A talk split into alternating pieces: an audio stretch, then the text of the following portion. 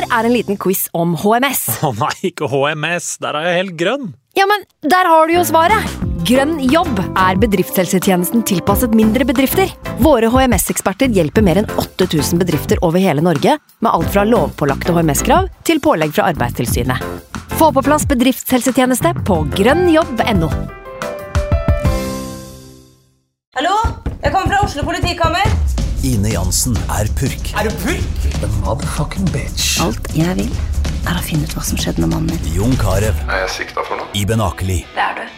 Ole So, Lars Berrum og Big Daddy Karsten. Hvem sin side er du på, egentlig? Anette Hoff, Tone Danielsen, Kommer du fra Afrika? Jørnis Josef, Nesten. Kløfta. Trond Espen Seim, Det er synd å si det, men det var feil mann som døde. Purk. Premiere tirsdag på TV2 Play.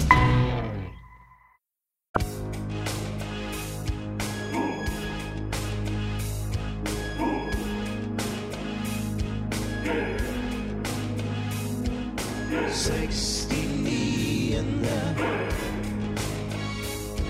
Put sixty in The Put sixty in the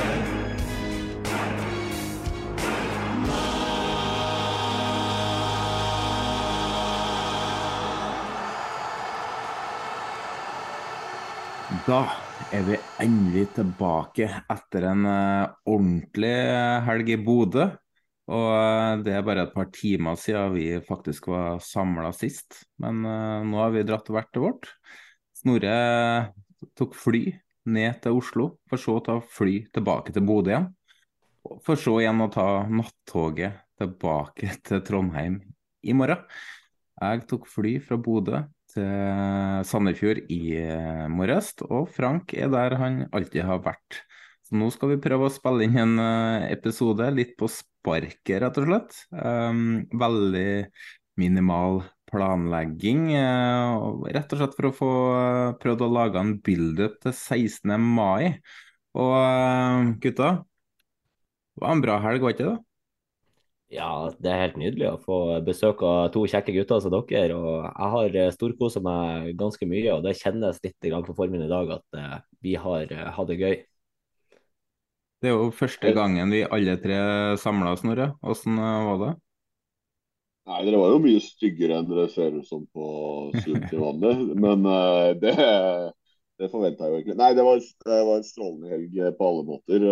Bodø leverte ja, tidvis bra vær. eh, Kjempebra fotballkok i byen hele helga, egentlig. Og utrolig artig å eh, bli både kjent med eh, dere to i personen enda mer, og, og folka Frank har rundt seg annenhver helg. Så det har vært super, superartig.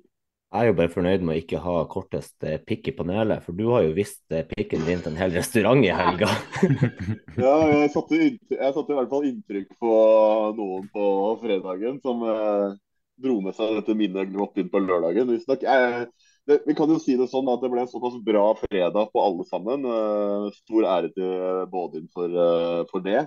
Men eh, visstnok så har jeg oversett at der jeg måtte tisse i byen, så var det en restaurant.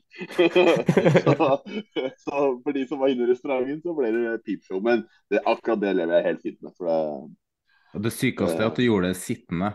Men vi kan jo, vi kan jo, um, vi kan jo ta det der, da. Eh, Vi pleier jo å starte med uka som har vært. Og eh, det har jo ikke skjedd så veldig mye siden siste innspilling.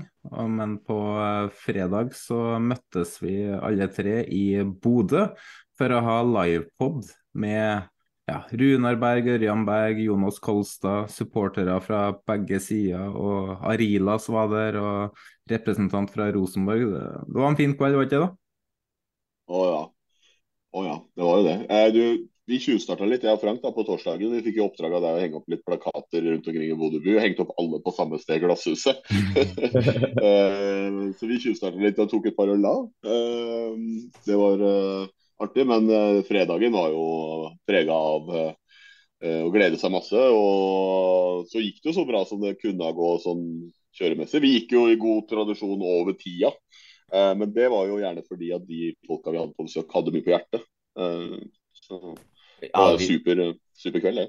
vi må jo bare få takke alle som møtte opp uh, på Bådin. Vi må takke Bådin som arrangør. Vi må takke alle gjester som har vært med å bidra. Det var altså det har vært en nydelig, en nydelig helg, men også en veldig fin kveld og en veldig fin uh, kall det livepod-debut for oss. da. Jeg tror vi gjorde oss også mange erfaringer rikere til eventuelt senere sånne type oppdrag. da. Og det er ikke det, Vi kan vel bare avsløre med en gang at Bådin var såpass fornøyd at de har booka oss til neste års oppgjør mellom Glimt og Rosenborg allerede. Nå må Rosenborg bare holde seg oppe, da. Det er det. ja, det da. Hvis ikke blir det Glimt, glimt Ranheim uh, livepod i Bodø. Det kan jo bli Junkeren uh, Rosenborg, hvem vet. Men uh, ja, det, det, var en uh, For meg var det en ti av ti kveld. Altså. at, um, altså, vi, vi, dro jo dit en time før vi starta, gikk litt rundt og prata med folk og tok noen øl. Jeg hadde jo planlagt at jeg skulle egentlig ikke ta så mye øl før, uh, før poden, podden, for jeg drikker så sjelden at jeg var litt nervøs for uh, hva som skulle skje. men altså, jeg, var jo så trøtt etter, etter reisinga, så jeg Det ble jo noen, da. Og så Vi fikk jo gratis øl av Bådin, så jeg rakk ikke å komme inn døra før jeg fikk en øl i handa. Og idet den var tom, så kom jo de med en ny en. Og det, var jo, det bådenølet var jo jævla godt. Så, så jeg kosa jo meg. Så når vi gikk opp på scenen, så det hadde blitt noen enheter. Uh, men det, det, samme var jo der. For hver gang jeg tømte en øl, så kom det jo en ny en. Men uh, det, det, som var litt morsomt, da, var jo at selv om altså Ørjan og Runar Berg var jo mine favorittspillere en gang i tida. Men å sitte oppi der sammen med de eller de andre som var oppe på scenen, det føltes helt naturlig. Var ikke noe nervøs. Eh, fikk god respons fra publikum. De lo. Og, og når uh, Runar Berg åpner med en vits uh, som jeg ikke har lyst til å gjenfortelle her, da har jo han satt standarden da, på på hvordan den kan bli. Så det var sikkert ikke perfekt, men jeg var veldig godt fornøyd med gjennomføringa vår. Og så må jeg si det, da, at eh, vi holdt jo oss i skinnet alle tre, oss tre, da. Eh, og det ble jo en del øl på alle tre. Jeg må jo si at jeg, jeg er imponert over han Snorre som holder maska så til de grader gjennom livepoden. Det var det jeg skulle går, si. Ja, det går, det går 15 sekunder etter han har reist etter vi er ferdig, og så er han møkk driting! Snorre kjører en 69-himmel eh, som var til ære for Runar Berg. Og det var som om han hadde tatt en halv pils. Og idet han er ferdig med den, så var det jo eh, Ja, da, da var det nesten game over på deg. Men, men det, det, vi, vi, vi kjenner Det som er sprøtt, er at jeg husker, jeg husker at jeg spilte inn det, selvfølgelig. Det var ikke så ille. Men det er, jeg må innrømme at selve opplesninga av den, den var litt blurry. så det Jeg må innrømme det. Men eh, nei, det var, altså, det er så si, det var superartig helg, superartig eh, debut. Jeg har hatt verre jomfruturer før, si. Eh, ja. og det var masse gode erfaringer å trekke fra det, og ting som vi kan sikkert gjøre annerledes og bedre, som eh, vi tar med oss. Men eh, alt i alt så går det ikke an å ikke være fornøyd med det. Det var jo supert og føler meg superprivilegert og fikk lov til å oppleve og gjøre noe sånt. Bare for gøy. Men Snorre, Altså, vi snakker jo sammen hver dag. Vi snakker mange timer sammen til vår bedre halvdels eh, store frustrasjon. Jeg føler jeg kjenner Frank veldig, veldig godt. Det er som at vi har kjent hverandre i mange år, og jeg tror det er litt eh, motsatt òg. Og jeg mm. tror du kjenner oss veldig godt. Men vi, vi, sitter fortsatt med en sånn derre Vi kjenner egentlig ikke Snorre. Og så skal vi dra fra Bådin og videre til byen, og du kommer jo aldri. Og så går jeg og spør uh, hvor du er. Er du er på do? Hvor lenge har du vært på do? Så kakker jeg på døra. Sitter du og driter, eller? Nei, jeg tisser. Å, OK, greit. Hvor treg du er? Nei da, bare, bare vent, du. Og så går du ut og venter. Og vi venter. Og vi venter. Og vi venter. Hvor, altså, jeg, går ned, jeg, går ned, etter hvert og henter han. Hvor du tror jeg ja. finner han? Da sitter han bak scenen og drikker pils og gjemmer seg. ja, po poenget var at Hvorfor bruker du så lang tid? Og da kommer det med den at du har jo utlagt tarm! ja. men, men det her fikk du ikke vite før dagen etterpå. Jeg holdt det til og med klarte å holde den uh, ute av ligninga. Men det skal jeg innrømme å si at det, det, var jo det at jeg var på do med det og styra ordna med det. Men det var også det at når jeg kom tilbake, så var jo han ene som jobba på din som var minst like Uh, liksom, uh, han som ikke var på jobb, da, for å si det sånn. Ja. Uh, han, han, var veldig som å prate, så begynte praten å gå. Og så begynte jeg å spørre om jeg kunne få kjøpe et minne, da, kjøpe et Bodin-glass. da. og Så tok det litt tid, og så fikk jeg lov å ta med et gratis og litt sånne ting. Så Eh, tida gikk jo, men det er sant det Frank sier. Jeg endte opp med å sitte bak på scenen og snakke med han der, eh, kameraten som og slo sammen noen benkeplater og noen greier på tappen der. Så det, så, men det var jo dagen etterpå, når du da når du uh, lurte på hvorfor jeg hadde brukt så lang tid, så tenkte jeg ja, jeg er ikke så uh, Der og da så gadd jeg ikke å styre og si noe med det, men da tenkte jeg sånn ja, jeg kan jo fortelle hvorfor. Uh, så Da ble du helt paff. Du ble helt sånn hæ? Hvor kommer det? Hvem er du egentlig? Hvem er du? Men uh, jeg har ikke noe problem med å si det. Jeg har utlagt arm, jeg. Og, og heldigvis dame. det er derfor du er så mye full av drit. Men uh, det var jo en dag som kom etterpå. Det var jo en litt uh, spesiell dag, for um, jeg hadde ikke akkurat noen planer om å sitte innpå Bådin og drikke øl med Bodø-Glimt-fansen uh, før uh, Glimt-Rosenborg, men TV 2 ringte jo og ville ha et intervju med meg og Frank, så da ja, de, de vil jo ikke ha med han andre. Nei. de vet ikke om han er engang. Jeg, jeg fikk jo masse meldinger fra Jonas. Det, du var jo i, i ditt rette element sikkert da, Frank, mens jeg eh, var på vei bort. Men jeg fikk jo flere meldinger, og de kom hyppigere og hyppigere fra Jonas. Hvor det bare sto 'hjelp', 'hjelp'. Jeg er omringet av 500 minions. Hvor er du? Kommer du snart? og når jeg kommer inn der, og så ser jeg bare den gule hallen Det er helt Det er smekkert og masse avstand. Og så får jeg øyekontakt med Jonas. Og Jeg har aldri sett deg så liten, Jonas. Du er en ganske stor mann. da, var du, da var du liten, altså. Men for, for, å si det sånn, da. Jonas ble tatt veldig godt imot uh, av ja, ja, ja. de som var der. Så de, det var mange som kom og hilsa på han og uh, behandla han med respekt. Så ja, det, så det er nok det litt grann glimt i øyet fra Jonas òg. Ja, det, altså, det, var ikke, det var ikke noe gærent i det. Jeg prata med mange fra Glimt der, og det var hyggelig, det. Men jeg følte det var feil å være der. Du er jo Rosenborg-supporter. Ja, dere er fienden, så jeg skulle ikke være der. Men jeg, jeg takker ikke nei til å være på TV. Jeg er jo, uh, sånn er nå jeg, PR-kåt. Men um, et oppdrag, et oppdrag for det intervjuet, og det er å name-droppe han andre og gjøre det til en greie. Det klarte dere ikke. Det klarte Nei, vi, vi, glemte jo at du var med i podkasten Hvem er han andre? tenkte men... Jeg valgte helt bevisst å, jeg valgte helt bevisst å ignorere det. Jeg ville ikke dra ned kvaliteten på intervjuet. Ja. ja, for det intervjuet var så superbra. Jeg er fornøyd. Jeg er fornøyd, jeg er fornøyd, jeg er fornøyd med Frank. Mora til Jonas sa at du er flink, gutten min. det, be det, beste med intervjuet er jo når Frank får seg et balleslag. jævla Fredrik eh, Smith Sørensen, altså. Men uh... Du står midt i et resonnement, og så hører du bare ååå, og så fortsetter resonnementet. vi, uh, vi dro jo videre, gutter. Um, Frank satt jo igjen der og drakk, og jeg Snorre dro på Aspmyra, for vi hadde jo fått presseakkreditering. Så vi kom oss inn bakveien der og fikk henta oss skilt. Og første rommet vi går inn på, der sitter jo Øyvind Alsaker, Simen Stamstø Møller og Arila som forbereder seg på matchen. Det første, jo... rommet, det, første rommet, vi gikk inn på, det var jo en oppgang til feil, feil eh, oppgang i en etasje hvor folk bodde. Og der sto vi og kåla. Ja, nå tenker jeg ikke bruke tid på det nå, jeg, da.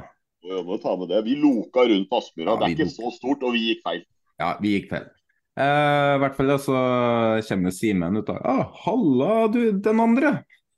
Ja, han sa Snorre, da. Eh, det viste seg at du kjenner jo han òg, og så bare faen, jeg kjenner jo ikke Snorre. Og så sier jo du ja, men jeg har jo sagt det. Så fant jeg ut at jeg lukker ørene ofte når du snakker. Så, men eh, vi sto jo og prata mye med de, og de spurte veldig mye om Rosenborg. Og vi jeg skal si at de bidro litt med forberedelsene. Uh, og så gikk vi inn på med de andre journalistene og kamerafolkene. og Plutselig er det jo middag der, og vi, vi hadde det jævla kult, egentlig. Mm. Og Det var ikke så mye som skjedde bak der, men vi, vi følte litt på stemninga tok uh, det innover oss. og var litt sånn, Det var en ny opplevelse for uh, både deg og meg. Men det som var ekstra kult, var når vi måte, fant ut av hvor vi skulle sitte og hvor vi kunne gå. og sånn, og begynte å leke litt med, med dette kortet som hadde adgang litt rundt omkring på stadion. Og vi gikk liksom langs uh, Eh, de forskjellige tribunene og bort mot J-feltet, og plutselig møter eh, eh, Frank, som du står på tredje rad eller noe sånt der. Ja, det stemmer. Jeg, jeg valgte jo å kjøre en liten en mot dere også, men det var nå for eh, det kameratslige med det der. Men så det var jo det var jo én Tromsø-supporter som trodde, ikke skjønte det her da, og bare sånn Ja, jævla møkkafyrene der. Men jeg tror resten skjønner humoren vår akkurat i det der. Ja, men det var superartig bare kunne få gå der. Sugde inn inntrykkene på en litt annen måte enn det man kanskje har gjort som supporter tidligere. Mm. da. være litt Leke litt presse for en dag. Det var jo artig. Jeg, jeg kan bekrefte at jeg følte at det vi holdt på med der, det trivdes jeg med. Det her kan jeg ha gjort på fast basis. men vi snudde, gikk tilbake, gikk langs tribunen det var ganske mange som uh, ropte sånn Hei, Jonas! Jonas! Den 69. mann! Uh, uh, du andre! kom bort og kom bort og prata med oss og skrøt av podkasten og noen som ikke likte 69-opplegget, men likte innholdet.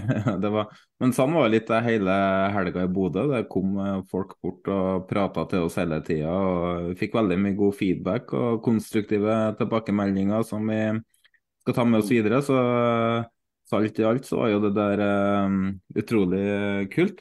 Men uh, la oss gå litt videre til kampen, da. For uh, vi spådde jo kampen på forhånd. Ja, Bodø-Glimt-supporterne var veldig sånn ja, nei, det her blir jevnt, og det blir tight, og det blir lite mål, og 0-1 eller 1-0. Og jeg, jeg, var med på at nei, nei vi taper 10-0. Men uh, viste seg at Bodø-Glimt-supporterne fikk jo rett der, da. Selv om Frank tippa 3-0. Hva syns du om kampen, Frank? Jeg syns kampen er ganske synonymt med hvordan oppgjørene har vært mellom Glimt og Rosenborg egentlig ja, siden de siste fem årene. Jeg tror det, Nå er det fire seire til Glimt, fire uavgjorte og tre seire til Rosenborg de siste elleve. Det er tighte kamper, selv om at Glimt kanskje gikk ut som tidenes favoritt mellom de to her, her, to klubbene. Historisk sett er det Rosenborg som pleier å være favoritten.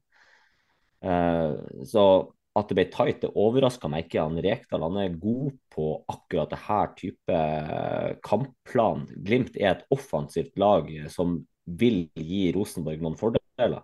Uh, Glimt vil ikke spille uh, en fotball som, som setter premisset for der de, der de, tar hensyn til motstander. De vil spille sitt eget spill. Og det, det ser man egentlig veldig godt at det passer Rekdal sin kampplan.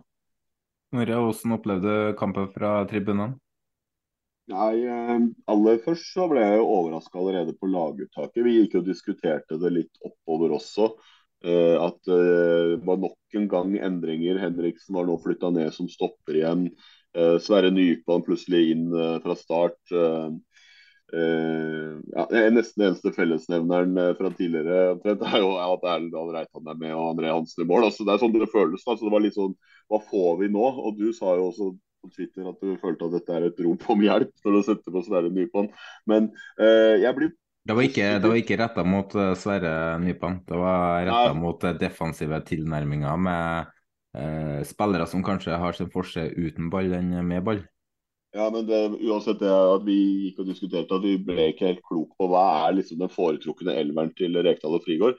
Men det man får se av Rosenborg egentlig fra start, er jo ja, Det er jo ikke noe underdrivelse å si at hele kampen i sin, i sin helhet det er sannsynligvis årsbeste prestasjonsmessig fra Rosenborg sin del, og kunne fort fått med seg noe. Så jeg, eh, jeg tror at, hvert fall at han er nærmere å finne sin foretrukne at det er nærmere å finne sin foretrukne elver. og kunne fått med seg noe, men uh, det er litt med laget som ikke er i flytsonen.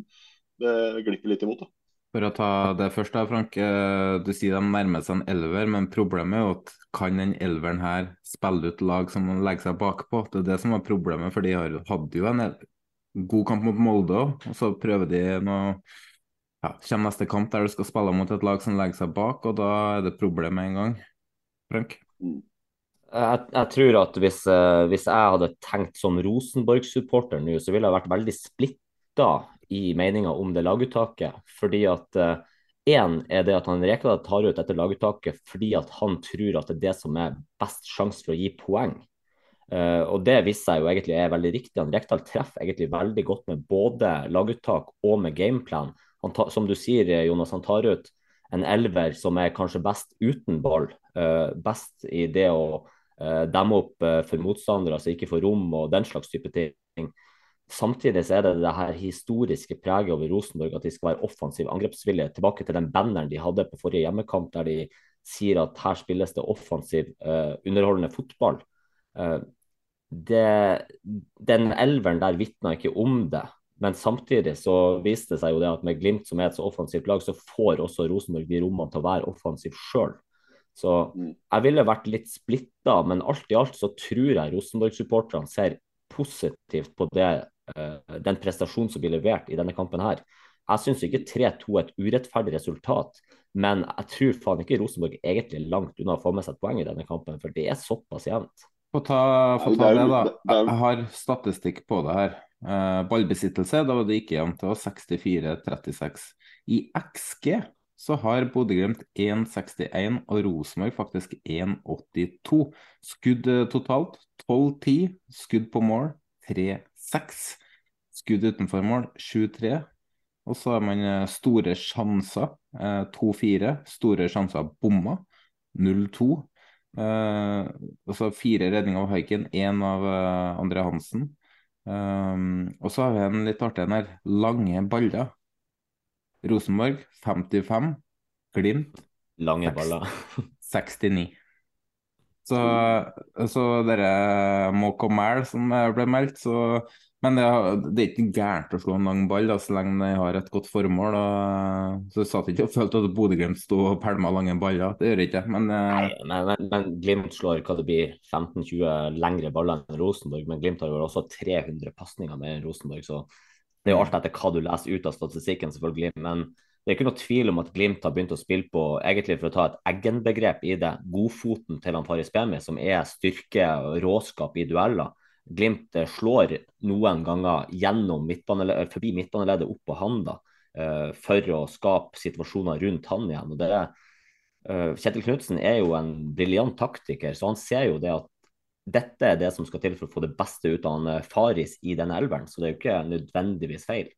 Jeg var jo også på treninga dagen før kamp, og da så jeg jo på formasjonsdrillen at det, var akkurat det de jobba med. Med å slå overledd til PMI som legger igjen til rettvendt indreløper eh, når motstanderlag presser høyt. Så det der var jo en eh, plan som var godt innarbeida, det. Um, en ting til her, da. Kristoffer Hagenes er satt opp som dommer.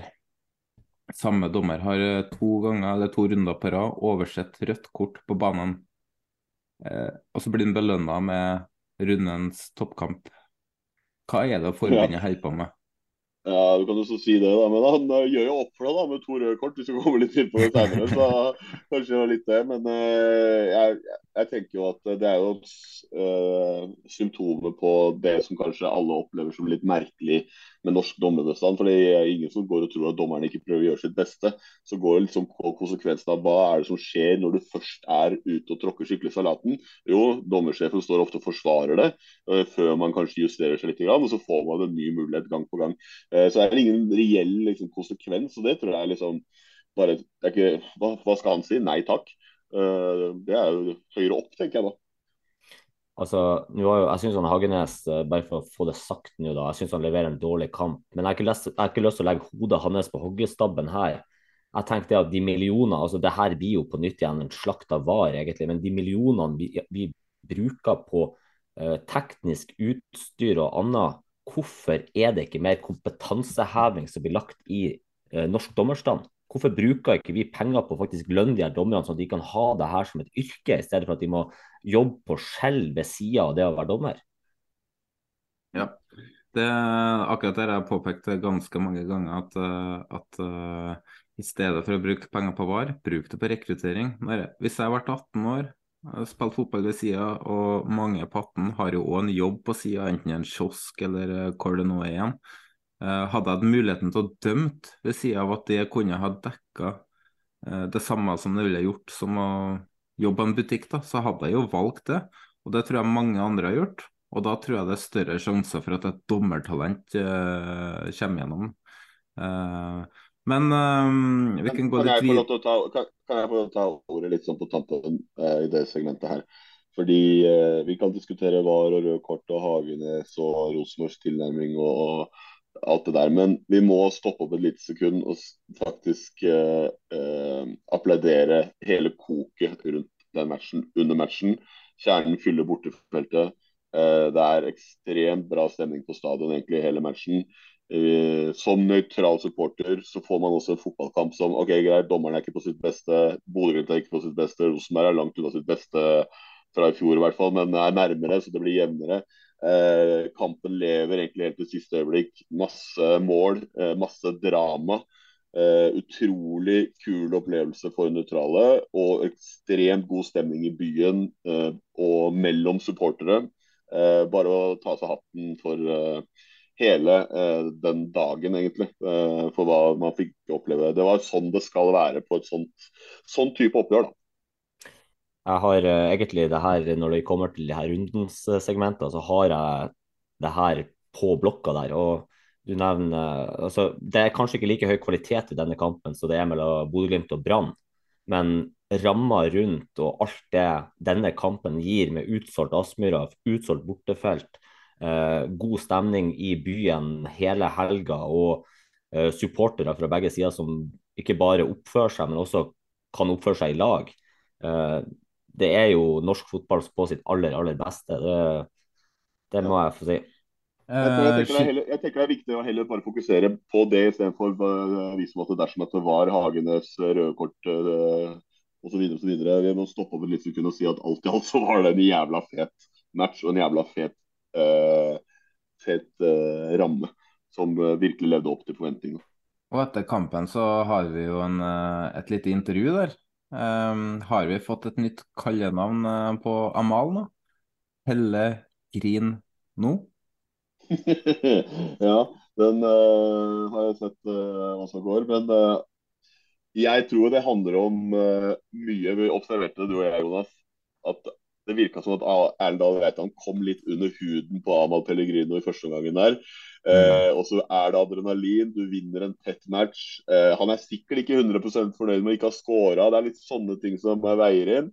Eh, og så er letta, selvfølgelig, og glad. Eh, og så kommer det der talen der, og det er jo Jeg, syns ikke det er så ille det han sier indirekte, eh, direkte, sånn sett, men eh, han kunne jo sagt alt mulig annet og det og snakka om sitt eget lag, og så hadde det ikke vært noe sak. men han ser seg i hvert fall nødt til å gå ut og kommentere at jeg kanskje skulle fokusert på litt mindre Rosenborg enn, enn jeg gjorde. Kan, kan, jeg si det sånn at det der er noe han burde ha gjort hvis de har tapt, da, for da hadde han jo fått fokuset bort fra kanskje en uh, uh, dårlig prestasjon, eller uh, Men nå får, det er sånn går, ja, da går fokuset bort fra seier til et intervju i stedet.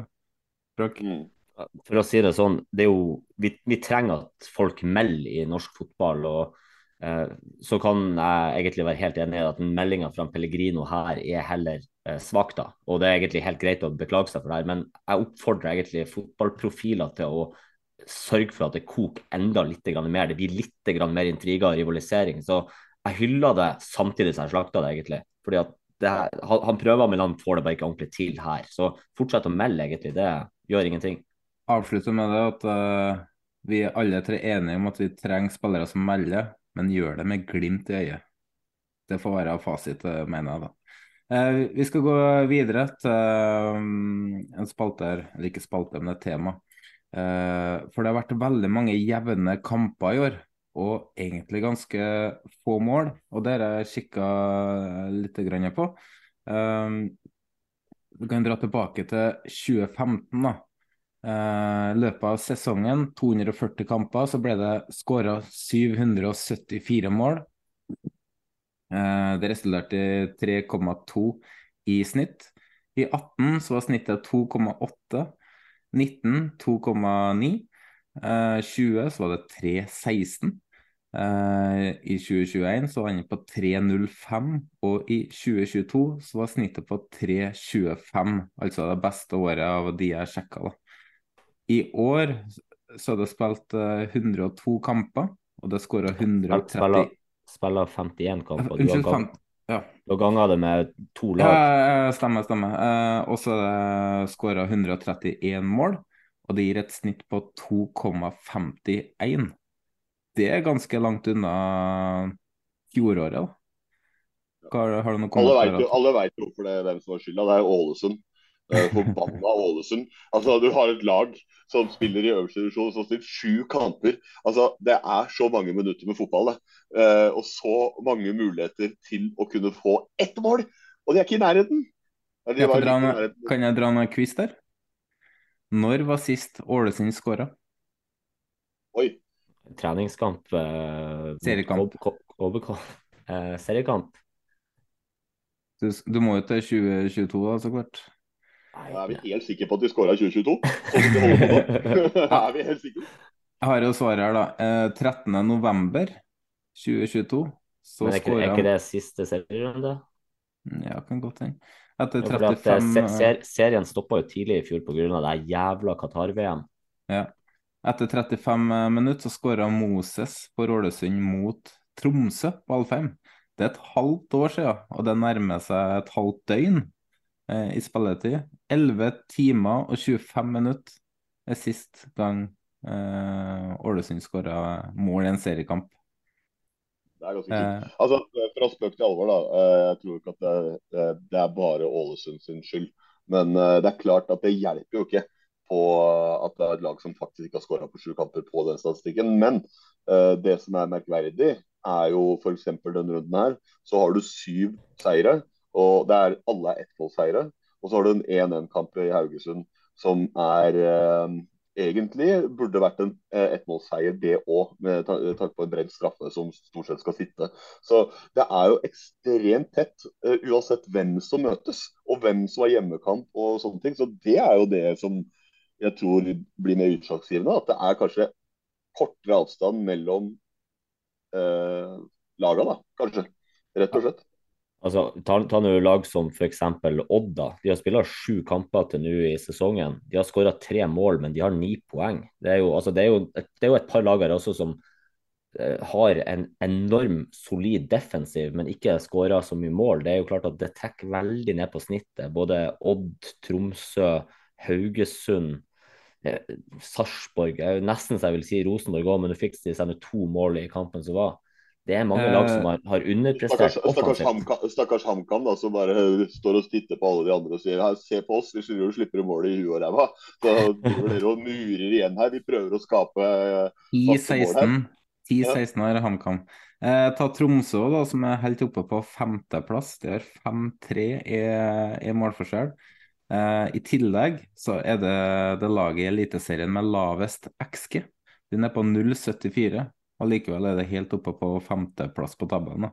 Så de spiller, altså Hver kamp lever jo sitt liv. da, Så uh, er det 0-0 og, og de får et mål på slutten, så låser de igjen. Får de uh, mål på starten, så tar man mindre risiko. Så det kan jo hende at det er det det går litt på. da. Eh, risiko. For um, det er veldig mange Rosenborg-supportere som klager på at grunnen til at man er dårlig offensivt, er fordi at man spiller 3-5-2 eller 3-4-3. Og um, når man sier det mange nok ganger, da, så begynner man å tro på det. Så jeg gikk jo inn og sjekka statistikk på det der. Eh, Lina opp alle lagene eh, etter rekkefølge på hvor mange mål de har skåra. Og så eh, la jeg formasjonen bak. Og det har jo ikke noen sammenheng, faktisk, for det er jo sånn Glimt, nei, Molde har skåra nest flest mål. De spiller med treer bak. LSK fjerde mest. De spiller med treer bak. HamKam sjetter mest, spiller med treer bak. Stabæk er nummer, eh, nummer åtte og ni eh, med godset. De skårer, spiller med tre bak, så det har jo ikke noen sammenheng, eh, formasjon eh, heller, egentlig. Um, det er litt tilbake til det Petter Myhre sa i, eh, i den episoden vi hadde med han uh, før sesongen. At uh, han er ikke så opptatt av dette med eh, formasjon, men det handler om å få det beste ut av det laget du har. At formasjon blir på en måte en formalitet. Eh, og at man kan bli veldig blind på at spiller du sånn eller spiller du sånn, men at en kamp er jo veldig sjeldent at du kun er i én statisk formasjon. Eh, det handler om langt mer om hvordan du setter sammen og hvilke typer du setter sammen, og hvor du får satt de opp hen osv. Så, videre. så eh, det er lett å bli blind på det. Jeg tror ikke målsnittet liksom, i år har så veldig mye å si på hvor mange som har lagt om å spille med en tre bak, egentlig. Jeg tror det handler om at flere klubber kanskje har gjort mer ting rett, og derfor tatt inn på kanskje den liten gruppa som lå foran. og så Uh, har kanskje de som har skåra mye mål for uh, uh, følt at nå kan vi bruke litt tid på å bli litt bedre defensivt osv. Så, videre. så det, det, det, er mange andre faktorer jeg heller ville sett nøyere på, kanskje. da. Det er ikke noe tvil om at han Bakke og Myhre i Lillestrøm det er to ekstremt gode fotballhoder. Kloke fotballhoder. De har jo rett og slett lagt om formasjonen for å spille på godfoten til både Acor Adams og Thomas Lene Olsen så har de en formasjon som også gir muligheten til å bruke andre offensive spillere. En Dragsnes i wingback, en eh, Lars Ranger i wingback, som har, begge to har vært veldig gode og offensivt i år. Eh, Thomas, eh, ikke Thomas Lene Olsen, Gjermund Aasen, Ibrahim Mai. Du, du, får ut veldig mye godt i de spillerne. Og, altså, Lillestrøm har jo skåra mye, men de har også sluppet inn overraskende mye i år til dem å være. Ja, det var første matchen og de holdt nullen, var det ikke det? Jo.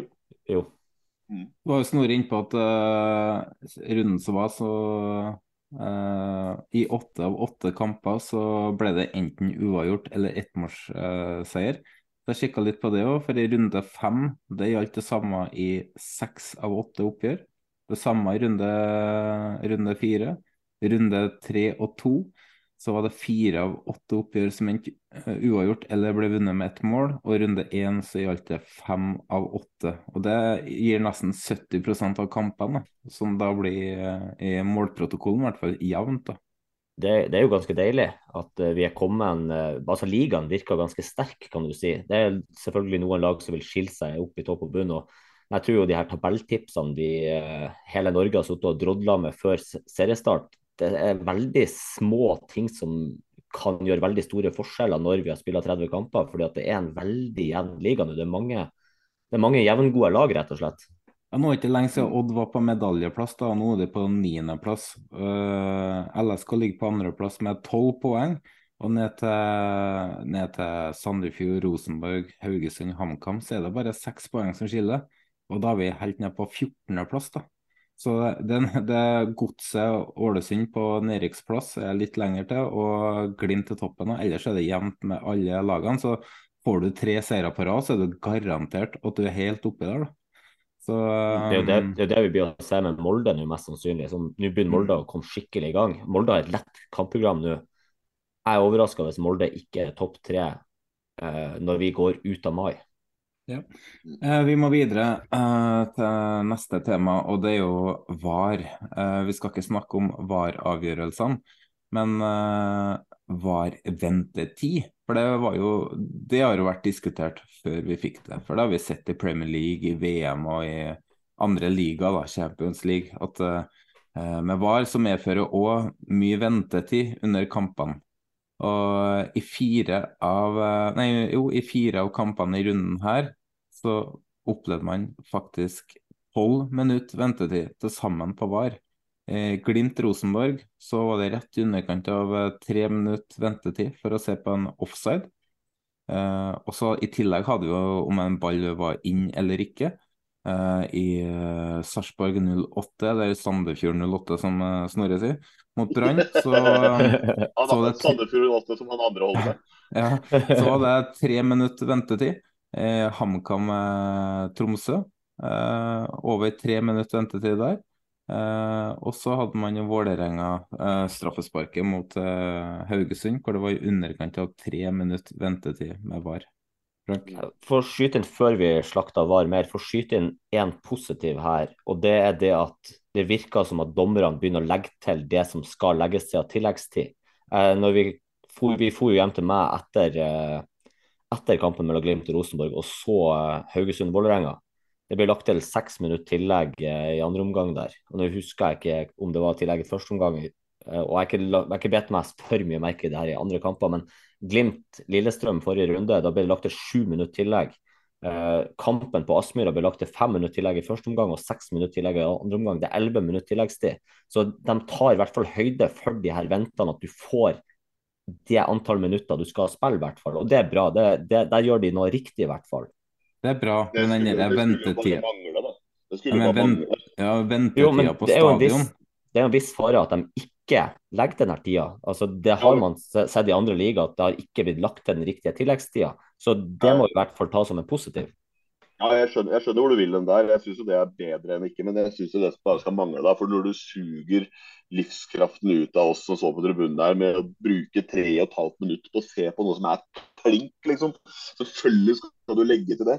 Jeg blir liksom sånn, Det er det som er problemet for meg. at det, jeg, det er bra at de gjør det, jeg er enig i det. Men altså, det, det holder liksom ikke for meg. Det, det, det, det blir liksom med de der ventende minuttene uh, på ting som Hvis du er på stadion, så får du ikke se det så vet ikke hva du snakker om. Så når vi var på Glimt-matchen, så måtte jeg gå inn på når vi var på pressetribunen og gå og se på matchen på TV. For å se på hva dommeren ser på på mobilen når vi uh, var bak der. Og Den har muligheten hadde ikke. Men det tre og et halvt minutt hvor du sitter og alle bare lurer på hva er, hva er det de ser på. Ja, det, er jo, det, er jo, når uh, Vålerenga under den kampen, da, når VAR-sjekken var, så gikk jeg på do. Og når jeg kom tilbake, så var jeg ikke i nærheten av å være ferdig. så det er jo Eh, nei, jeg Det, det, det morsomme der, vi rakk begge to å dra på do under varselet. For jeg var òg på do etter det. Vi var samtidig. Um, videre. Uh, I runden her så fikk vi faktisk tre røde kort. Uh, vi kan gå litt inne på de, da. For Per Siljan Skjelbred kom jo inn og endte på i tre minutter. Og så med rutinen sin så fant han ut at han skulle ned og høvle Åsmund Bjørkan. Åsmund Bjørkan, faktisk. Fredrik Bjørkan. Men det er så klart at vi alle kjenner jo til Per Siljan at han gjør ikke det med vilje. Jeg tror at hvis det hadde vært Reitan, så hadde det klikka på stadion. Men uh, Reitan sto jo også og sa nei, nei, nei, nei, nei, nei, nei til dommer som prøvde å snakke imot, mens Siljan var jo mer opptatt av ja.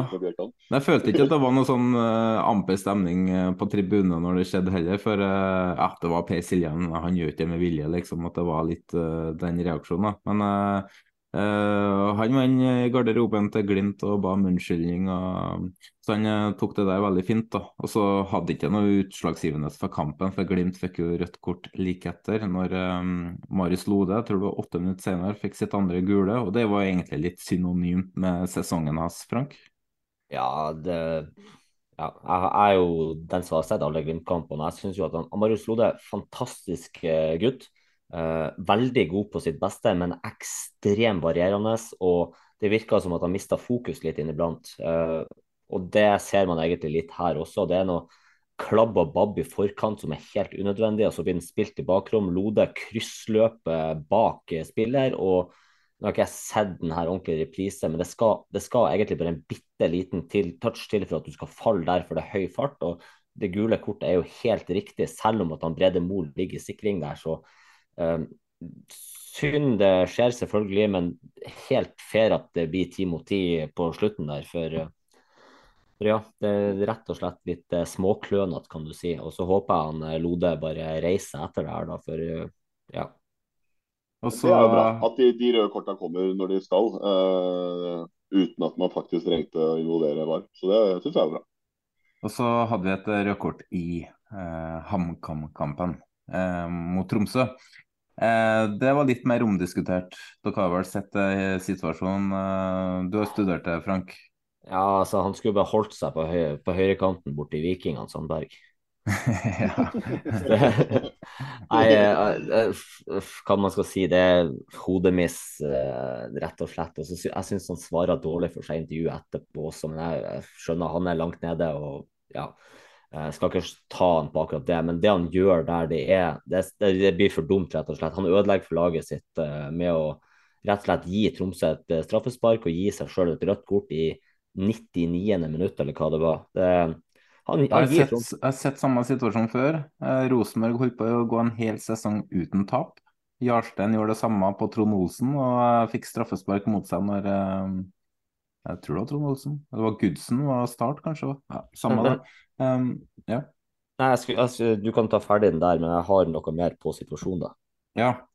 Eh, nei, for det ble jo litt diskutert eh, eh, på Twitter, eh, så da blant annet. For eh, det er jo ikke noen tvil om at det er jo riktig med rødt kort og straffespark. Det, det, det er utvilsomt. Men den der reaksjonen og overspillinga fra Jostein Gundersen der Ja, men det, det jeg skal si, er det at måten han Gundersen ikke stoppa løpet sitt i forkant. Han går han, han har egentlig stoppa, og så tar han det steget ekstra for å krasje inn i keeperen med vilje. Så litt sånn Du kan gi rødt kort Men det ser du jo hele, det ser du jo hele tida. Ja, Folk det så- men- forstyrrer keeper som skal starte eh, spillet, og det, det, er, jo, det er jo gult kort. Ja, jeg tenker, altså, det burde vært gult kort til Gundersen her. Og så er jeg litt sånn du kan, gi, kan du gi rødt kort for voldshendelsen, men i forkant egentlig skulle ha gitt, gult, eh, gitt keeper frispark?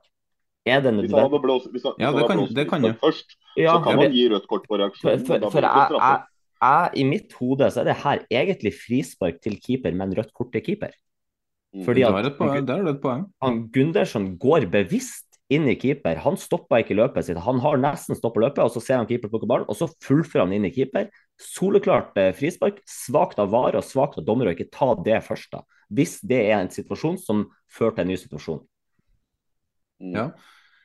Um, jeg er egentlig enig i det. Jeg vet ikke om du har noe å si? Ja, det er, det er, uansett hvordan du vrir brent på det, så er jo selve reaksjonen fullstendig hodemist. Mm. Så eh, det er jo ukens bananskall, uansett hvordan du vrir og vender på det. Så, men eh, jeg er enig i resonnementet ditt, Frank, på akkurat det. At det er en sånn situasjon hvor det skulle vært delt ut to kort og et frispark, og ikke ett kort og en straffe. Men hvis vi skal runde av den kampen der, da, så eh, det, det er jo, HamKam er jo egentlig veldig uheldig i denne kampen i tillegg. Det er jo klart at det er jo hodemiss å gi bort det ene poenget du kan på overtid, men det er jo en situasjon der HamKam egentlig kan gå opp til 2-1. Melgalvi setter egentlig sitt andre mål for dagen, og så har dommer blåst et halvt sekund i forveien for hodeskade. Det er jo riktig av dommer, men det er jo vanvittig kjedelig for HamKam. Mm. Men han blåser litt seint òg, det er det jeg tror det er derfor man får den reaksjonen. Fordi hodeskaden i gåseøynene, jeg vet ikke hvor skada det var, men det er riktig at han blåser, men han, han nøler det der ett eller to sekundene som gjør at den pasningen får gå ut til sida der. og da Det er klart at når skuddet går og du hører pip, at du blir forbanna.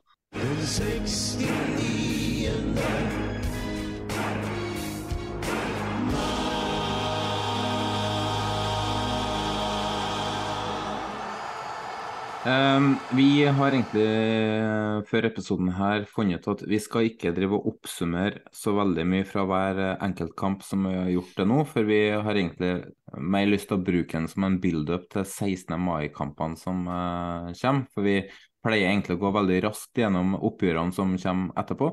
I dag skal vi bruke litt mer tid, så, nå, så for at episoden ikke skal bli for lang, så bare skummer vi litt raskt gjennom kampene som er spilt. da. Frank Odd LSK. 0-1. Acker Adams med nok et eh, overtidsmål. Det er det fjerde gang i år han er overtids... Eller skåra seint for Lillestrøm og vinner kampen. Jeg lurer på, Kan det være tredje gangen det er overtid og fjerde gangen han er matchvinner? Jeg er veldig Ja. usikker, men han har i hvert fall sørga for mye poeng for det. Ja, altså han er jo et beist, og per nå, sånn som jeg ser det, ligaens klart beste spiss.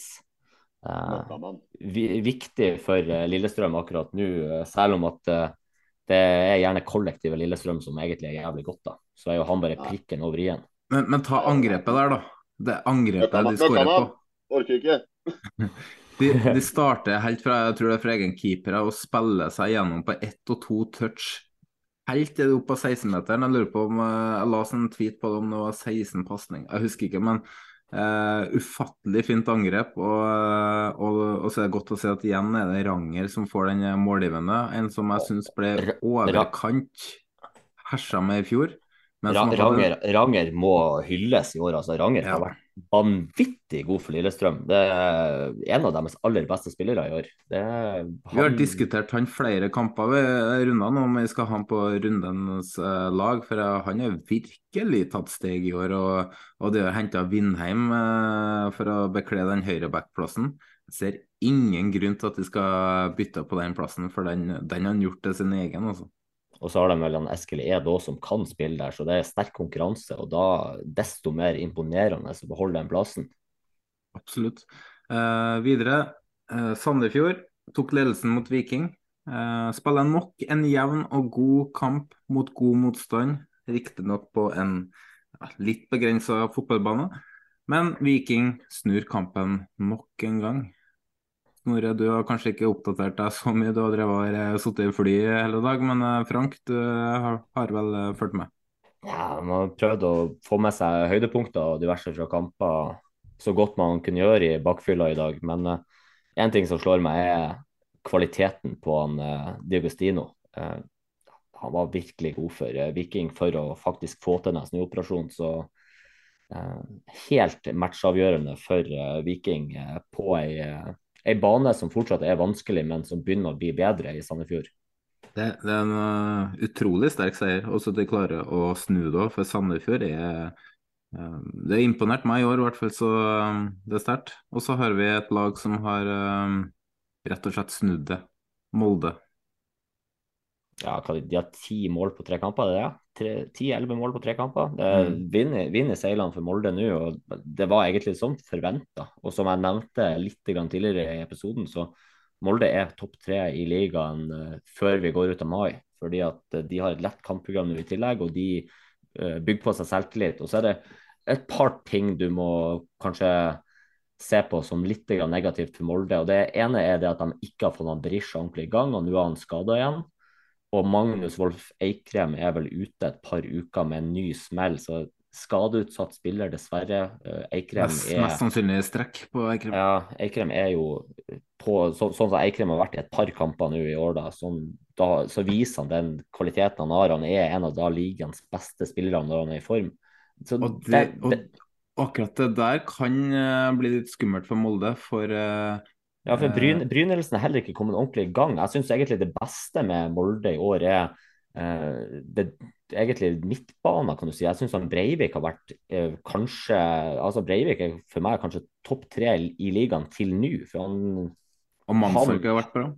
Mannsverk har vært enorm for de også. De to er så viktige. Uh, men det er en ting du har slitt med, da. For uh, sjekke på XG mot, så er det lag, laget som har sluppet til minst, med 0,83 per kamp. Offensivt så ligger det på 1,74 og nummer fire. I sum så er jo det egentlig uh, ganske bra, da.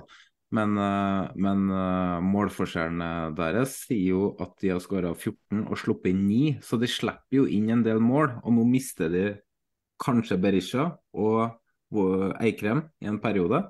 Og Brynildsen har ikke kommet i gang. Det kan bli en tøff eh, periode for Molde nå, da.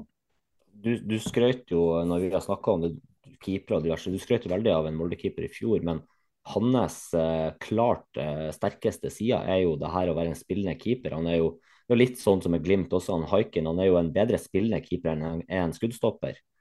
Så slipper de inn mye Hvis han slipper mye sjanser, så kommer han også til å slippe, slippe inn mye mål, fordi at det er ikke det som er hans beste side. Så går vi videre til Sarpsborg 08 Brann 2-1. Eh, andre bortekampen eh, vil ikke snuble, da, men eh, Brann var jo storfavoritter borte mot Odd og gikk på en smell der. Og taper nå borte mot Sarpsborg, som kanskje ikke har fått så godt betalt som de burde ha fått i sesongen. Eh, vel fortjent seier, eller? Ta med det at Brann også bare klarte uavgjort mot uh, Sandefjord. Så altså, Brann er vel det laget i ligaen som skaper mest, men eh, det er litt det her med kvaliteten på det. Altså, Nå skåra jo han Finne et veldig pent mål, men han er jo også en spiss som trenger ekstremt mye avslutninger for å treffe det jævla målet. Brann har sånn... desidert best XG-statistikk med 2,3 Nummer to på lista er Viking med 1,86. Bakover på banen så er det tredje best med 1,21. Så de har jo, hvis man går på XG, så burde de egentlig ha leda serien. Altså, er det, Nå ser du jeg, Du hadde vel et eh, Du fanga opp et kallenavn på noe Sarpsborg Sarpsborg Låna, eller hva det var du kalte det? Jepp. Serpolona. Serpolona. Eh, Sarpsborg er et lag jeg egentlig bare går og venter på, for de spiller veldig veldig fin fotball på store deler av banen, men det har lugga når de nærmer seg boksen, rett og slett.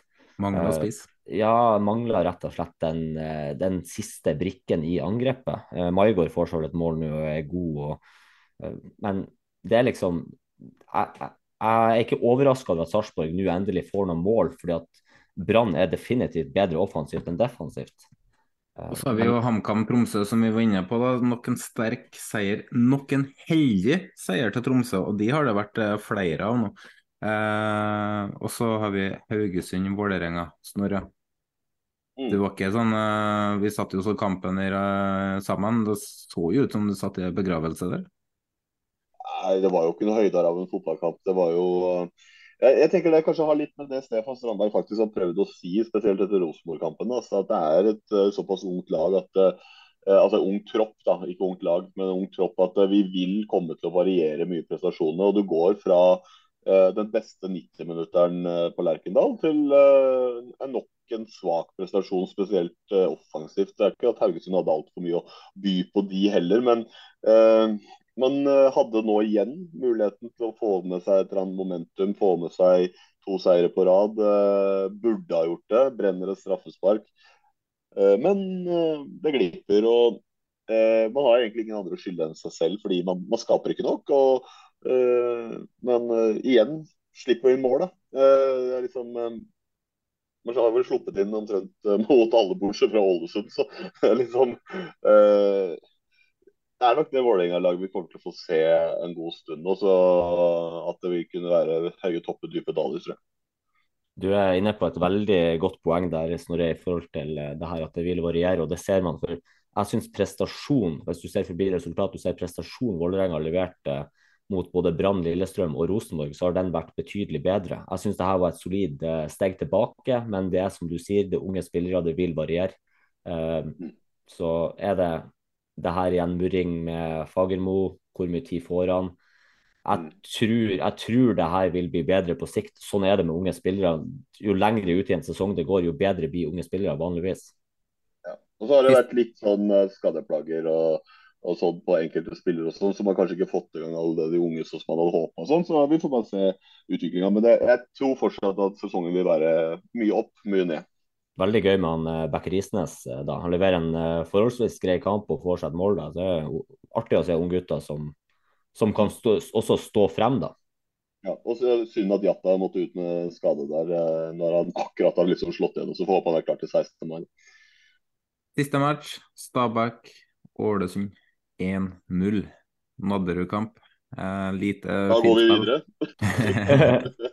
Ja, altså, så lenge det ikke er Kasper Høeg som skårer knullegutten sjøl, så ja, hva er det så mye å si om kampen egentlig? Nå har jeg kun sett høydepunktene, men det var veldig få høydepunkter å se også.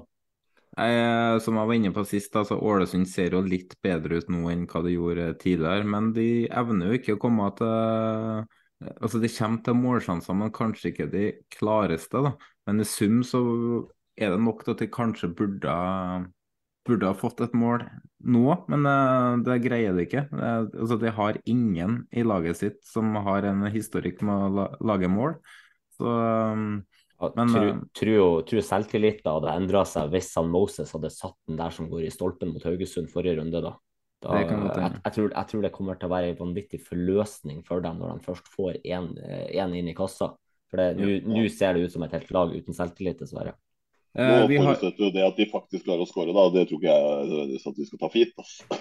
Nei, jeg, jeg, tror ikke, jeg, tror ikke det blir noe ketsjup-effekt. Det tror jeg ikke. Men jeg tror det blir lettere å lage mål nummer to eh, og tre. Uh, det, det, vil ikke gå altså Nå har de jo en tøff kamp nå også, de har ikke skåra på sju. Men når de skårer mål nummer én, så vil det ikke gå sju kamper før mål nummer to. Eh, vi, har jo, vi har jo et like bra grunnlag denne gangen, sånn som vi vanligvis har da når eh, vi ikke er på match samtidig og med promille. Og, ja. Vi konsentrerte hele kunnskapssenteret vårt inn på Aspmyra. ja, vi gjorde det. Eh, men uh, vi har jo, eller i hvert fall Frank, har uh, lest veldig mye og satt seg veldig godt inn i det mens vi har uh, sittet i fly.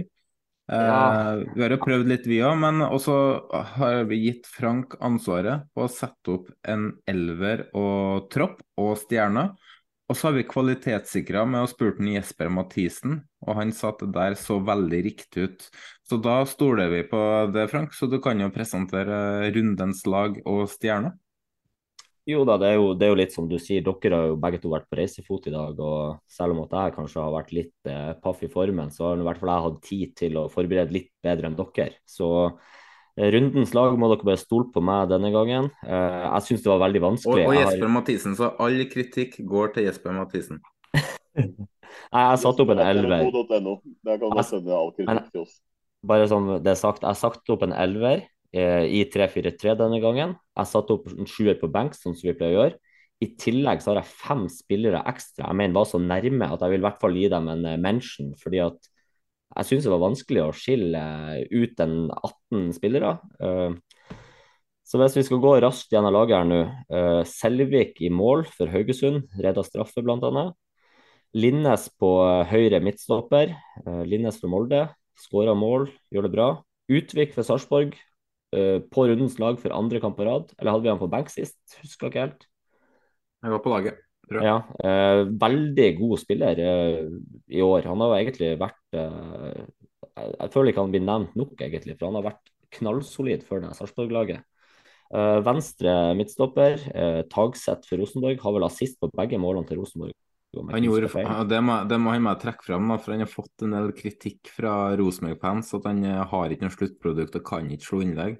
Ender med to innlegg, men han var kampen igjennom veldig god, altså, syns jeg. Da... Det, det to-målet to altså, Jeg syns begge målene til Rosenborg er pene mål, eh, pene spillmessige mål. Eh, mm. det, men det 2-2-målet, der ser du virkelig hva som bor i, av offensiv kraft i Antagseth. Og du ser at han har ikke bare det her backendet i seg, men han har egentlig mye av det som skal til for å kunne være en midtbanespiller. Ja. Uh, videre, uh, høyre midtbane Lars Ranger på LSK. Uh, viktig assisten på slutten av kampen. God gjennom hele kampen. Skapende. Springer opp og ned sida si. Det er lett å ta med Ranger fordi at han har vært så nære så jævla mange ganger. At det bekker jo hans sin vei denne gangen.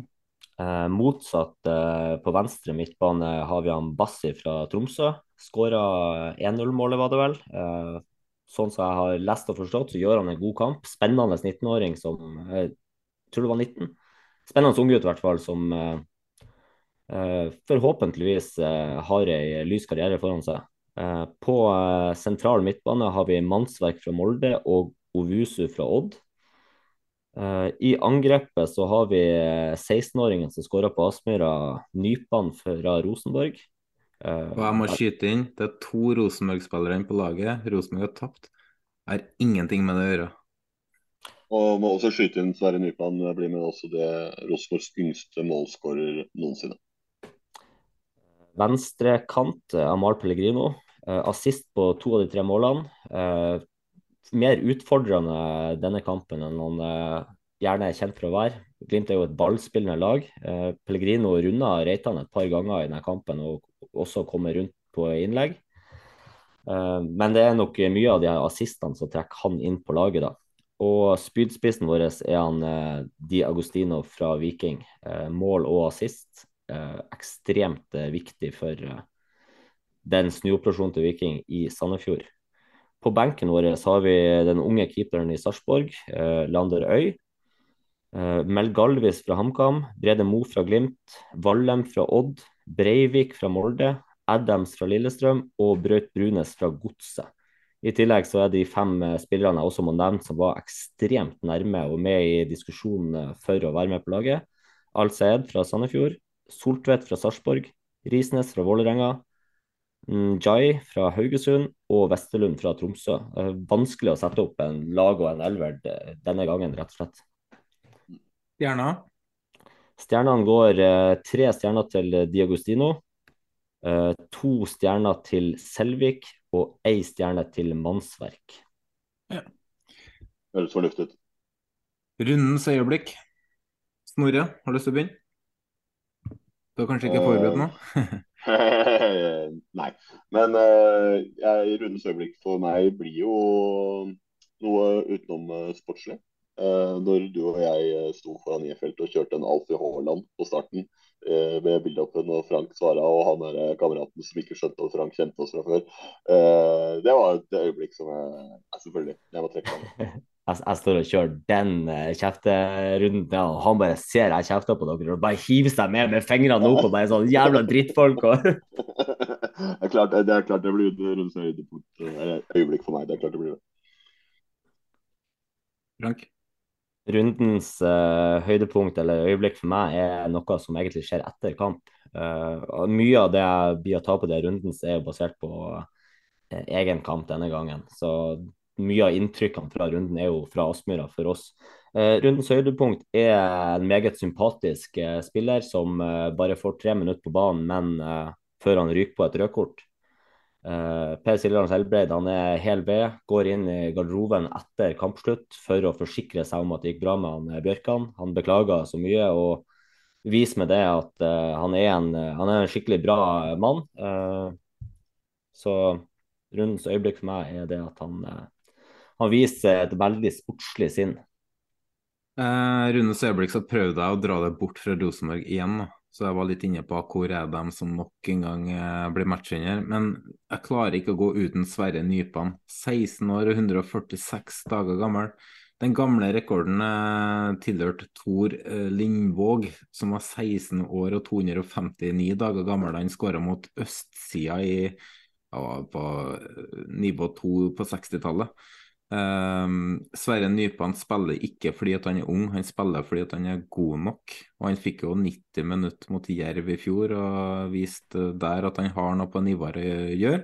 Har slitt veldig mye med skader og rusk, egentlig i halvannet år nå. Altså at han har, Når han kommer inn i det, så har det vært et eller annet. Så han er nødt til å få kontroll på det. Og gjør han det, så tror jeg han Nypan kan være en spiller som uh, man fort kan dra paralleller til Martin Ødegaard med. da. Du ser jo på måten han, når han får ballen, trekker inn, slår mellom back, stopper, at han, han tenker fotball.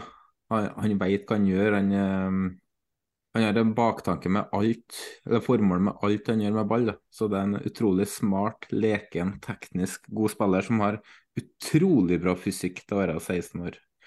Rundens pluss, eh, Frank? Eh, her skal jeg faktisk eh, gi skryt til eh, forbundet.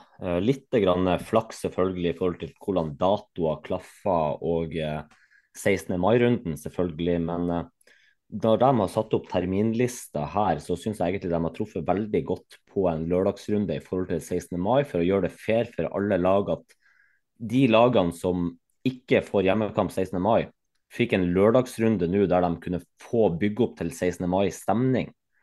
Og så er det ikke alle lag som har fått det til. Men det vi får til i Bodø, det de får til delvis i Skien og Sarpsborg, Molde som midt på treet, der er det, det er godt eh, publikumsoppmøte.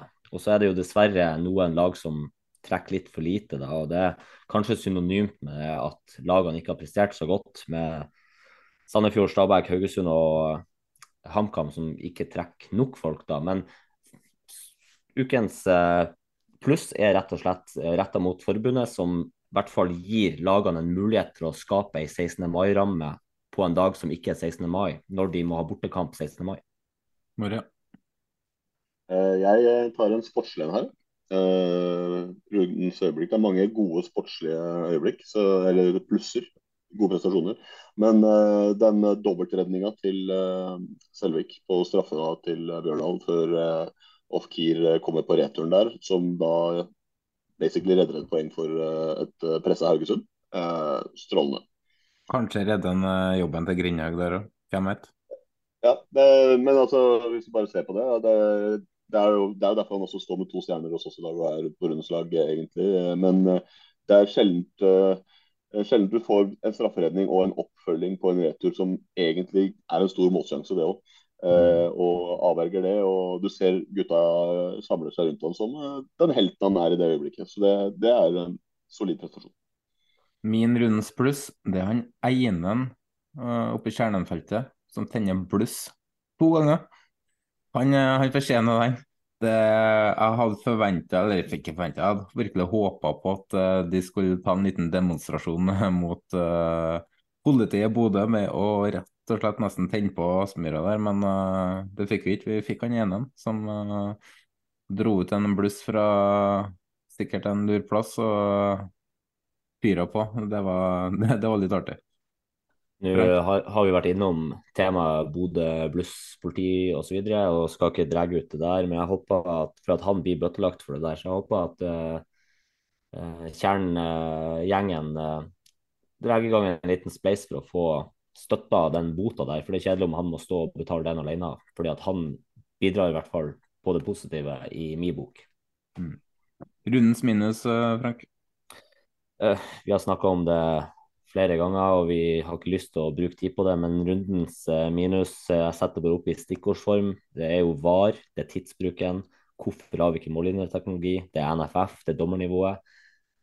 det er for mye som ikke holder høyt nok nivå til den fotballen vi skal levere på øverste nivå. Når Uh, der er jeg litt uh, todelt, om jeg skal gå sportslig eller om jeg skal gå kall det uh, usportslig.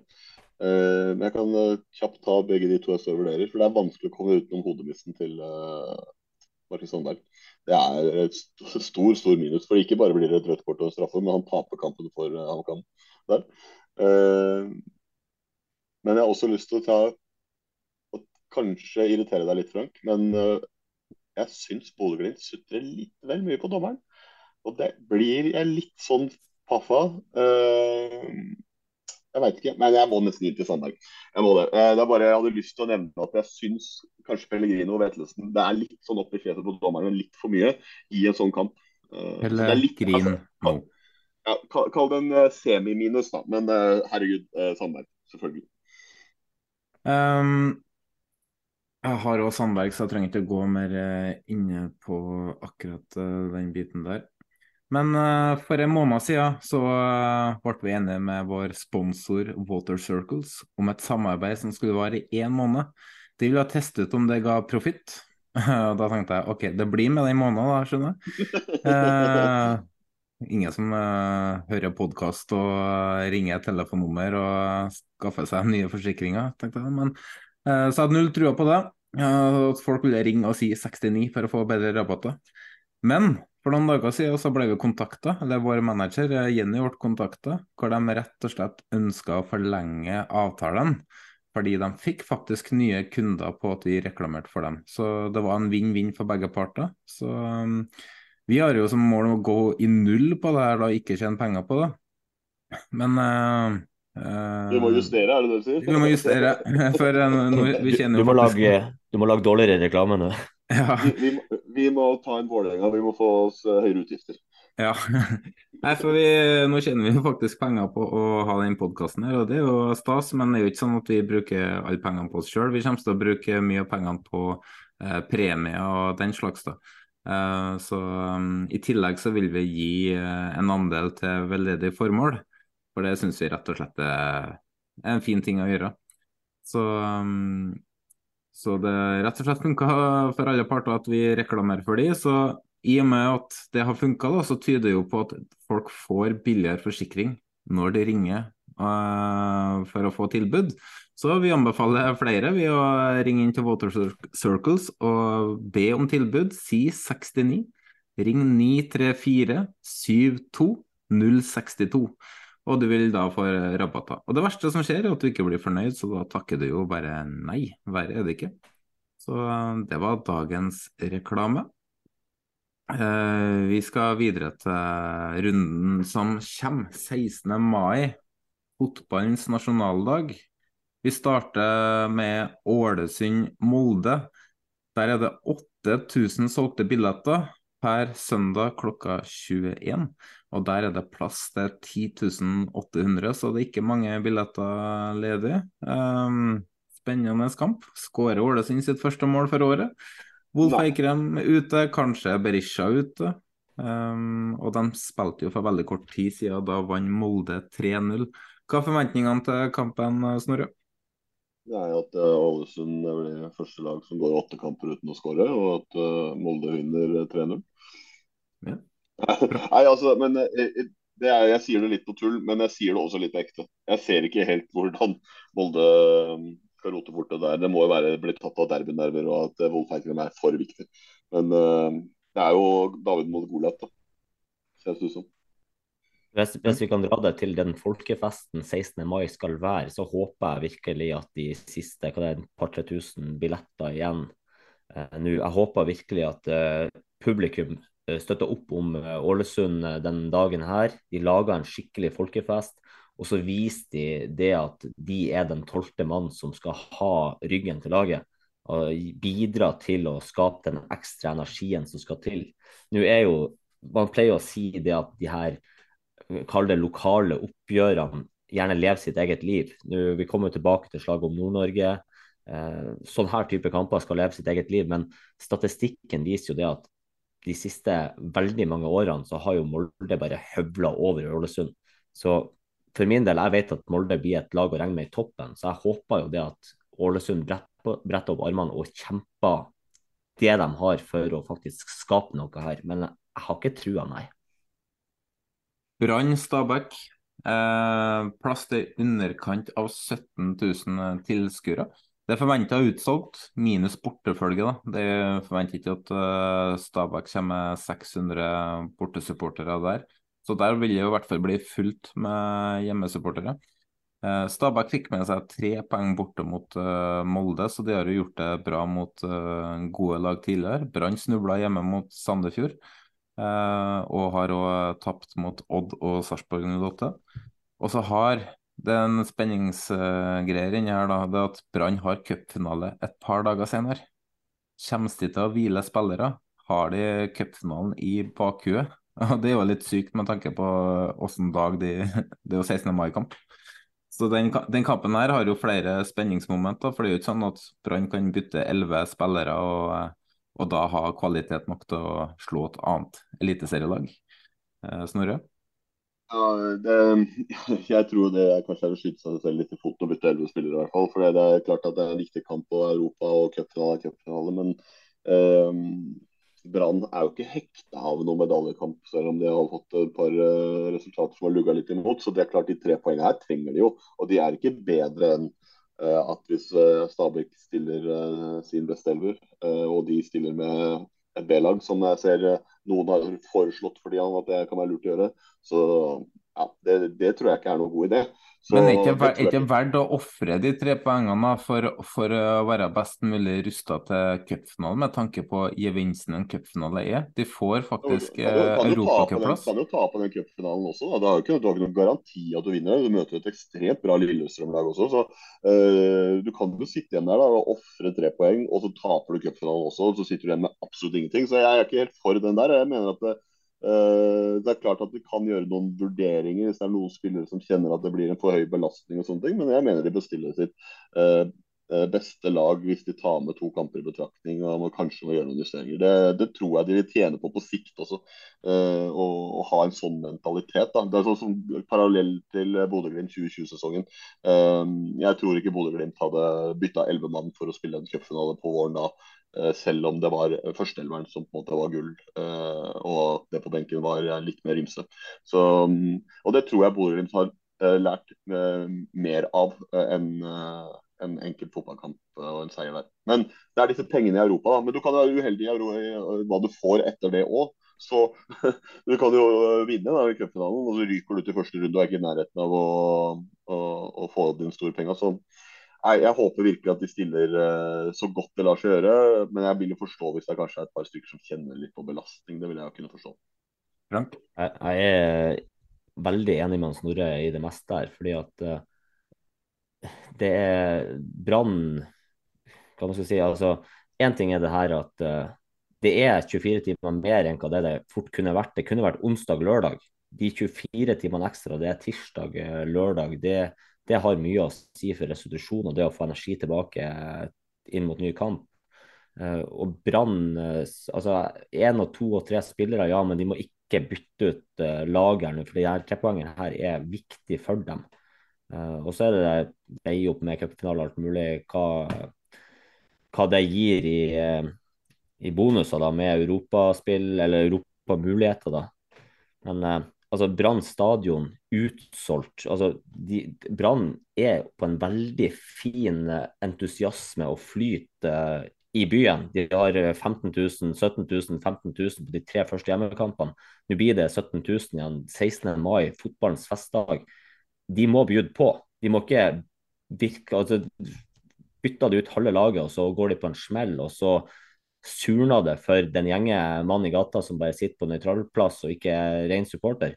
Plutselig så blir det murring, og det påvirker fort laget negativt igjen. Lillestrøm, Sarpsborg 08, eller Sarpelona, der er solgt 7000, og det er 11500 plasser totalt der. Det er oppdatert eh, nå i kveld, så det er fortsatt 3500 ledige plasser. Forventer ikke så mange bortesupportere der, egentlig. Der er Sarpsborg litt å gå på. Uh, Lillestrøm som avgjør jevne kamper. 08 som har sett veldig god ut, men jevnt over slitt med å få uttelling. og igjen cupfinale et par dager etterpå. Spådommer til den kampen? Ja, nå håper jeg Lillestrøm stiller med B-lag da, eh, og sparer seg til uh, cupfinalen og Nei da. det er jo en åpen fotballkamp, tror jeg. Jeg tror jo sikkert Lillestrøm har jo en cupfinale bak i de også. Men de har sett solide ut. og jeg tror ikke Sarpsborg egentlig er så redde for noe heller. Så jeg tror det kan bli en veldig artig fotballkamp. Uh, det tror jeg. Jeg syns at den cupfinalen vi går i møte, så syns jeg Lillestrøm er Eh, om ikke kjempestore favoritter, jeg syns de er favoritter nå. Fordi at Lillestrøm ser ut som Norges nest beste lag. Eh, Brann de har eh, vakla litt. Lillestrøm har De er nødt til å vinne her akkurat samme premisser som Brann. Så jeg tror, jeg tror, Lillestrøm blir å stille sterkt. Og så kommer selvfølgelig Sarpsborg kommer med en god opplevelse nå med å slå Brann. Forventer fortsatt at Lillestrøm vinner, men kan bli tett der. Jeg har egentlig lyst til å justere svaret mitt. Jeg, jeg håper Lillestrøm stiller med B-laget sitt i begge de to neste matchene. Rosenborg-Haugesund, der er det i kveld solgt 20 000, så der blir det fullt. Minus bortefeltet, da. Forventer ikke noe mye bortesupportere fra Haugesund. Rosenborg som eh, fikk en eh, hva skal si, spillemessig opptur mot uh, Bodø-Glimt, leverte langt bedre enn forventa, men som igjen sliter stort mot lag de skal dominere mot. Eh, Haugesund eh, på sin side sliter mot alle lag. Eh, ikke noe spesielle offensive trusler der. Det ble 3-3 tilsvarende oppgjør i fjor, og Thorvaldsson fikk seg vel en hjernerystelse mot Glimt, og Siljan er ute med karantene. Forventningene deres? Jeg tror ikke de matcher dine, uh, sånn egentlig. Det, uh, jeg forventer at Rosenborg uh, slår Haugesund. Og jeg forventer at de ikke nødvendigvis spiller samba-fotball og vinner 4-0, men at de gjør det på en overbevisende måte basert på det man har sett fra Rosenborg sist kamp, og uh, litt hvor Haugesund er akkurat nå. Det er ikke solid det de gjør mot Vålerenga heller. Sånn. Altså, det er ikke imponerende, i hvert fall. Så jeg forventer det. Men jeg, jeg, tror jo Jeg vet ikke om jeg tør å tro på sånne ting. Rosenborg har jo vært litt sånn vanskelig å bli klok på hvis Rosenborg ikke gir over 20 000 tilskuere en seier på 16. mai nå, så fortjener de ikke tilskuere neste hjemmekamp. Så enkelt er det. Der Haugesund-laget her har sett pisse svakt ut. Hvis ikke Rosenborg gir uh, fansen seier nå, så kan de ikke forvente å selge billetter neste kamp. Jeg har uttalt at den kampen her, det er nøkkelkampen til Rekdal. Taper de den kampen og i tillegg leverer elendig spill, kan han fortsette som trener eh, framover da? Jeg tror at uh, Rekdal fikk et veldig positivt svar med han Sverre Nypan på Aspmyra. Uh, jeg håper at Rosenborg og Rekdal har baller nok til å sende han utpå fra start også mot Haugesund. For uh, han tilfører laget noe offensivt som de har savna. Godset Sandefjord. Eh, Plass til underkant av 9000 eh, tilskuere. Der er det ingen oppdateringer vi har sett. Det tyder bare på én ting. Det er dårlig billettsalg, antar jeg. Jeg, jeg hørte Godsunionen, eh, eller i hvert fall representanter fra Godsunionen, uten at det er nødvendigvis eh, hele supportergruppa si mening. De var veldig negative til klubbens uttalelser om et mål på 6000 solgte billetter på fotballens festdag, og det skjønner jeg ekstremt godt. Eh, Godset må jo ha som mål å selge ut den jævla stadion på hvert fall den dagen der i året. Forventningene til kampen, nå? Uh. Er det feil å si at uh, Isnes-effekten ikke har slått ut i full blomst, eller? Det var veldig mye optimisme. Uh, man blir uh, altså Det er kanskje en nøkkelkamp for han og, og laget, men det har blitt veldig mye nesten. Hva hvis det blir veldig mye nesten igjen? Jeg tenker Det kan fort bli en sånn kamp. Og hvis det er litt sånn semiglissent marienlyst, da. Kanskje, Mine forventninger er kanskje ikke at det er den kampen som kanskje engasjerer resten av Fotball-Norge, eller har størst sjanse å engasjere resten av Fotball-Norge, men en ekstremt viktig kamp for involverte. Altså, jeg tror han, han Ødegård når Ødegård reiser ut med det her Sandefjord-laget sitt, så ser det ut som at han på bortebane har en bevisst plan om, om at her skal vi mure igjen og være defensiv og eventuelt ta kontringer, mens vi er litt mer offensive på hjemmebane fordi at der er vårt eget publikum. Jeg forventer at Sandefjord kommer til å ligge lavt, fordi at det godselaget her er ikke drilla nok til å spille mot lavt enda. Uh, Godset fikk to mål nå mot Molde fordi at Molde er et offensivt lag. Så jeg er veldig spent på hvordan denne kampen utvikler seg, egentlig, for det, jeg tror det faktisk kan slå alle veier. Uh, det kan bli at Godset får pressa inn en komfortabel 2-0-seier fordi at det rakner for Sandefjord. Ellers så kan Sandefjord kontre dem i senk og fort vinne 4-0, liksom. Det, det, kan slå totalt motsatt ut. Eh, tilsvarende oppgjør i fjor så ble faktisk godset slakta av eh, Sandefjord. Tromsø-Glimt utsolgt. 6700 kapasiteten der. Bortefelt er det plass til 630. Det er også utsolgt. Eh, de kampene her lever jo sitt eget liv. Eh, Tromsø solid bak med en av de beste keeperne i Eliteserien så langt i år. Men evner Tromsø å straffe Glimt, for de har ikke imponert offensivt og har som tidligere nevnt lavest XG eh, i ligaen. I tillegg så tror jeg Glimt er veldig revansjelysten etter i fjor. Frank, eh, i kjent stil så er vel du kjempenervøs, for det er jo Tromsø? Altså, Nå får vi jo servert eh, to eh, godbiter for Glimt-supportere på få dager. Det å møte Rosenborg og det å møte Tromsø er jo høydepunkter i kalenderåret hvert eneste år. Det er liksom det er de to oppgjørene som har vært virkelig sånn rivaloppgjør for eh, oss her i Bodø. Eh, jeg er veldig spent på hva Tromsø blir å stille med, hvordan, eh, hvordan de setter opp laget på hjemmebane. For Tromsø har veldig ofte en offensiv innstilling på hjemmebane, og så er de mer defensive på bortebane. Jeg er litt spent på om de tør å sette på noen sånn type krydderspillere som kan utfordre og skape ubalanse offensivt, som han Bessie, eller om de går en mer defensiv rute med kanskje mer eh, kraft og kynisme. da.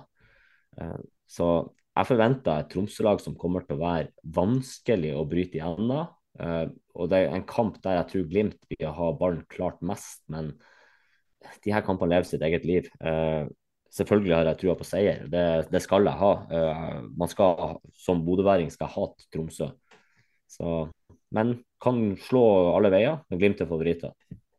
Viking Odd omtrent utsolgt. Eh, underkant av 16 000 er kapasiteten der. Eh, la seg melding der det sto at vi får selge noen flere seter av bortefeltet til 16. mai-kampen. To ekstra rader vil fra i morgen åpnes for eh, eh ja, for um, salg på felt E til våre mørkeblå. Pga. svært mange henvendelser, henvendelser tar de ikke mot reservasjoner. Så uh, der har Viking rett og slett uh, tatt litt plasser fra um, bortesupporterne for å få fylt opp enda mer. Da. Altså, det er jo kult. Og det er jo to lag som har til tider imponert. da. Odd med defensiv struktur, Viking med offensivt spill. Så det her er jo veldig åpen uh, kamp, Snorre. Ja, det er to gode lag som møtes. Eh, kanskje gode på litt forskjellige ting, så litt som du sier. Og det har vært solide defensivt uh, stort sett hele sesongen. Uh, Viking har vært litt mer fyrverkeri offensivt uh, igjen, i hvert fall til tider.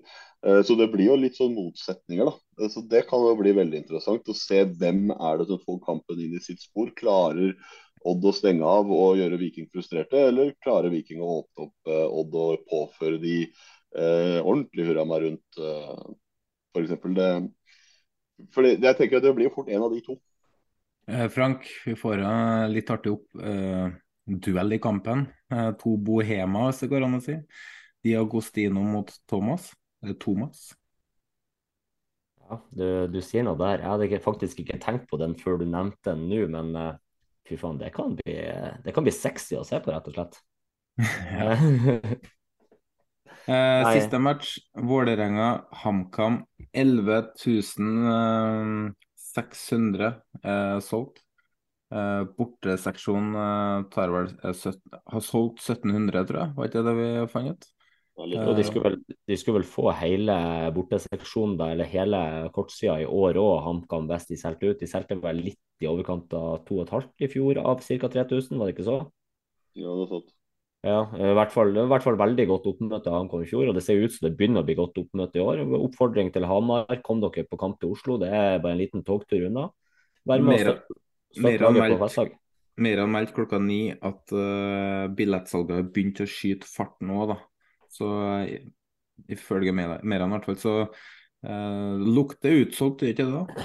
Altså, det var jo Ja, altså, så, som nøytral å se ramma Intility skapte mellom Lillestrøm og Vålerenga. Altså det, det, er så nydelig reklame for norsk fotball. Jeg håper at vi får eh, gjentagelse på det nå, da. Så kan egentlig han Snorre få ta ordet herfra. Uh, ja, takk for det. Jeg, Jeg skal stille et eh, spørsmål da, Snorre. For den kampen her har jo litt uh, For deg kanskje litt sånn uh, ikke emosjonell betydning, men Henrik Udal er tilbake. Det er jo Bjarnason. Ja, de er nok eh, litt ivrige på å eh, vise seg litt fram. Så, og du har jo spådd det i hele år at det blir hat trick på Henrik Udal. Blir det det? Ja, eh, altså vi møter, Vålerenga møter jo TamKam som er ikke sin beste flyt akkurat nå. Eh, Det taler jo for eh, eh, at man har muligheter, selvfølgelig. Eh, Men eh, jeg står fortsatt på det med at hvis noen skårer måla til HamKam mot Vålerenga, så er det Henrik Udal. Det sa jeg vel i den episoden med HamKam-gjest også. Og nå er Henrik, nei, Kirkevold ute med skade, tror jeg. Ja. Så, men eh, hvis vi skal se på rammene også, eh, jeg tror vi ser eh, tett opp mot utsolgt hjemmefelt. Jeg har også Meran også uttalt flere ganger tidligere at en stor andel av eh, billettene selges på kampdag også.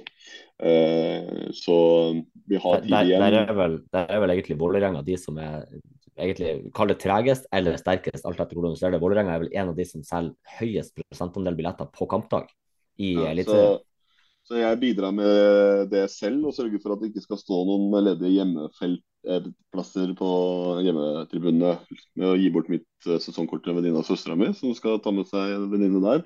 Så jeg har jo super formål da. Det, er jo ikke noe å skyve eh, under stol, det. Så eh, det, nei, det, det blir eh, en kul ramme.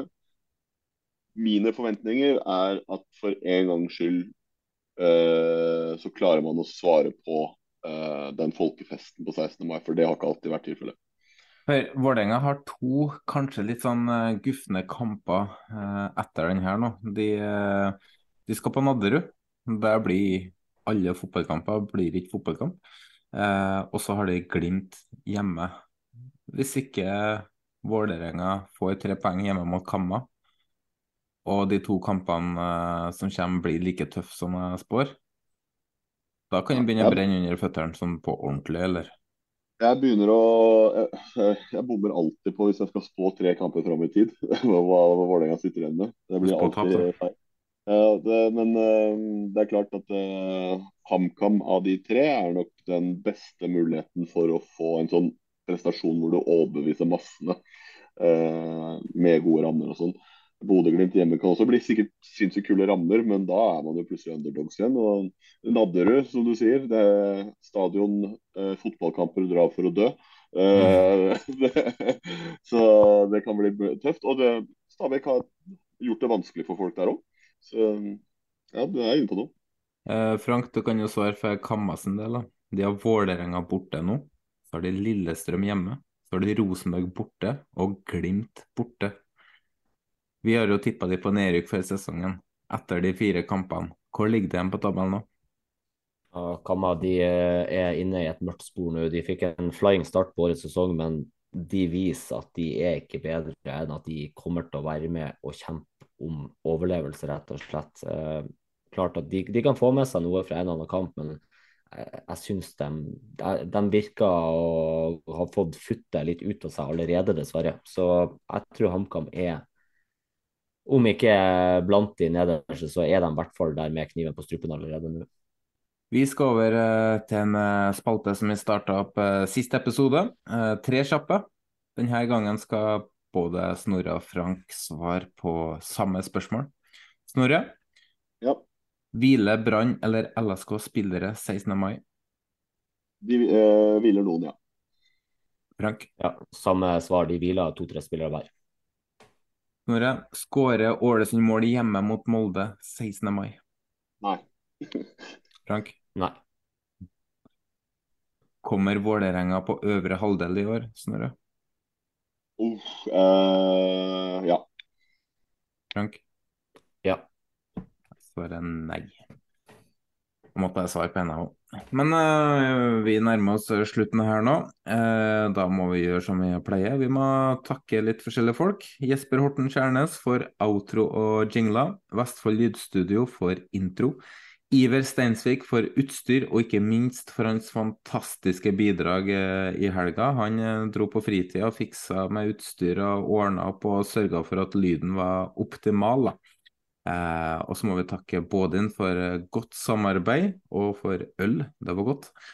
Jan Erik Balto for design, merch, eh, t-shirt.no, eh, og for all den tid han eh, legger ned for oss. Det er vi veldig takknemlige for.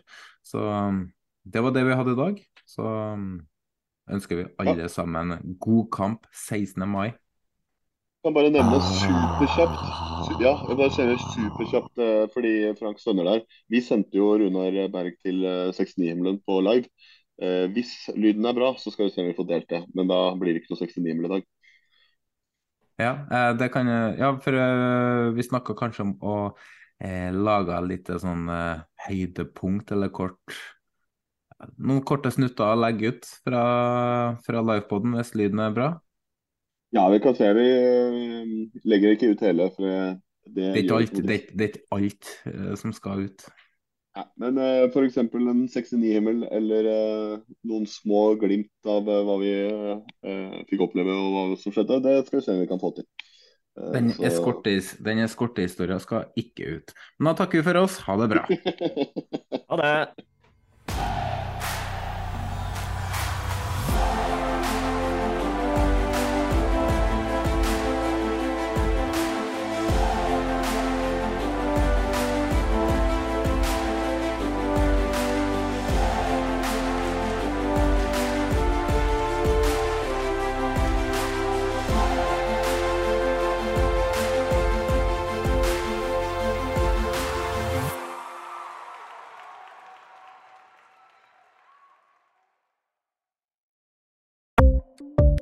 Ukens annonsør er HelloFresh. HelloFresh er verdens ledende matkasseleverandør og kan være redningen i en travel hverdag.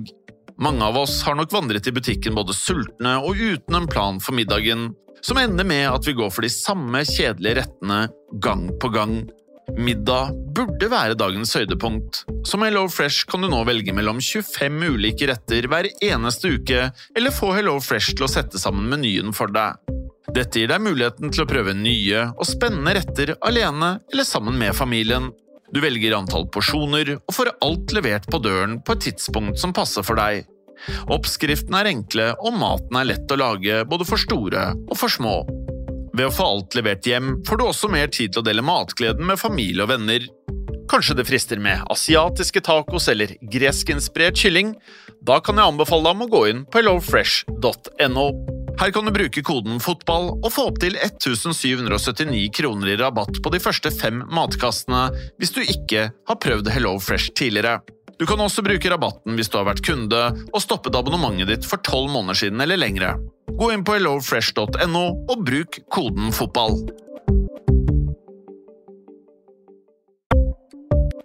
Ukens annonsør er Folio, en smartere banktjeneste for deg som har en egen bedrift eller ønsker å starte for deg selv. Folio er en superenkel nettbank for bedrifter.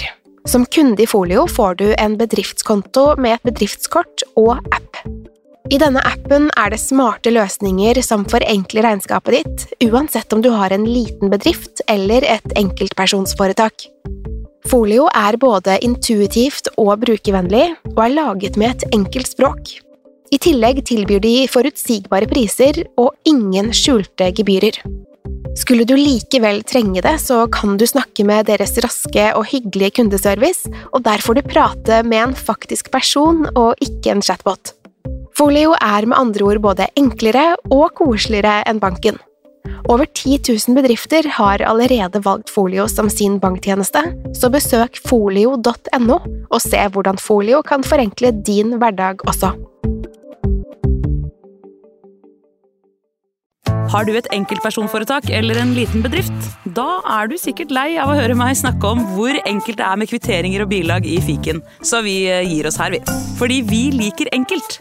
Fiken superenkelt regnskap.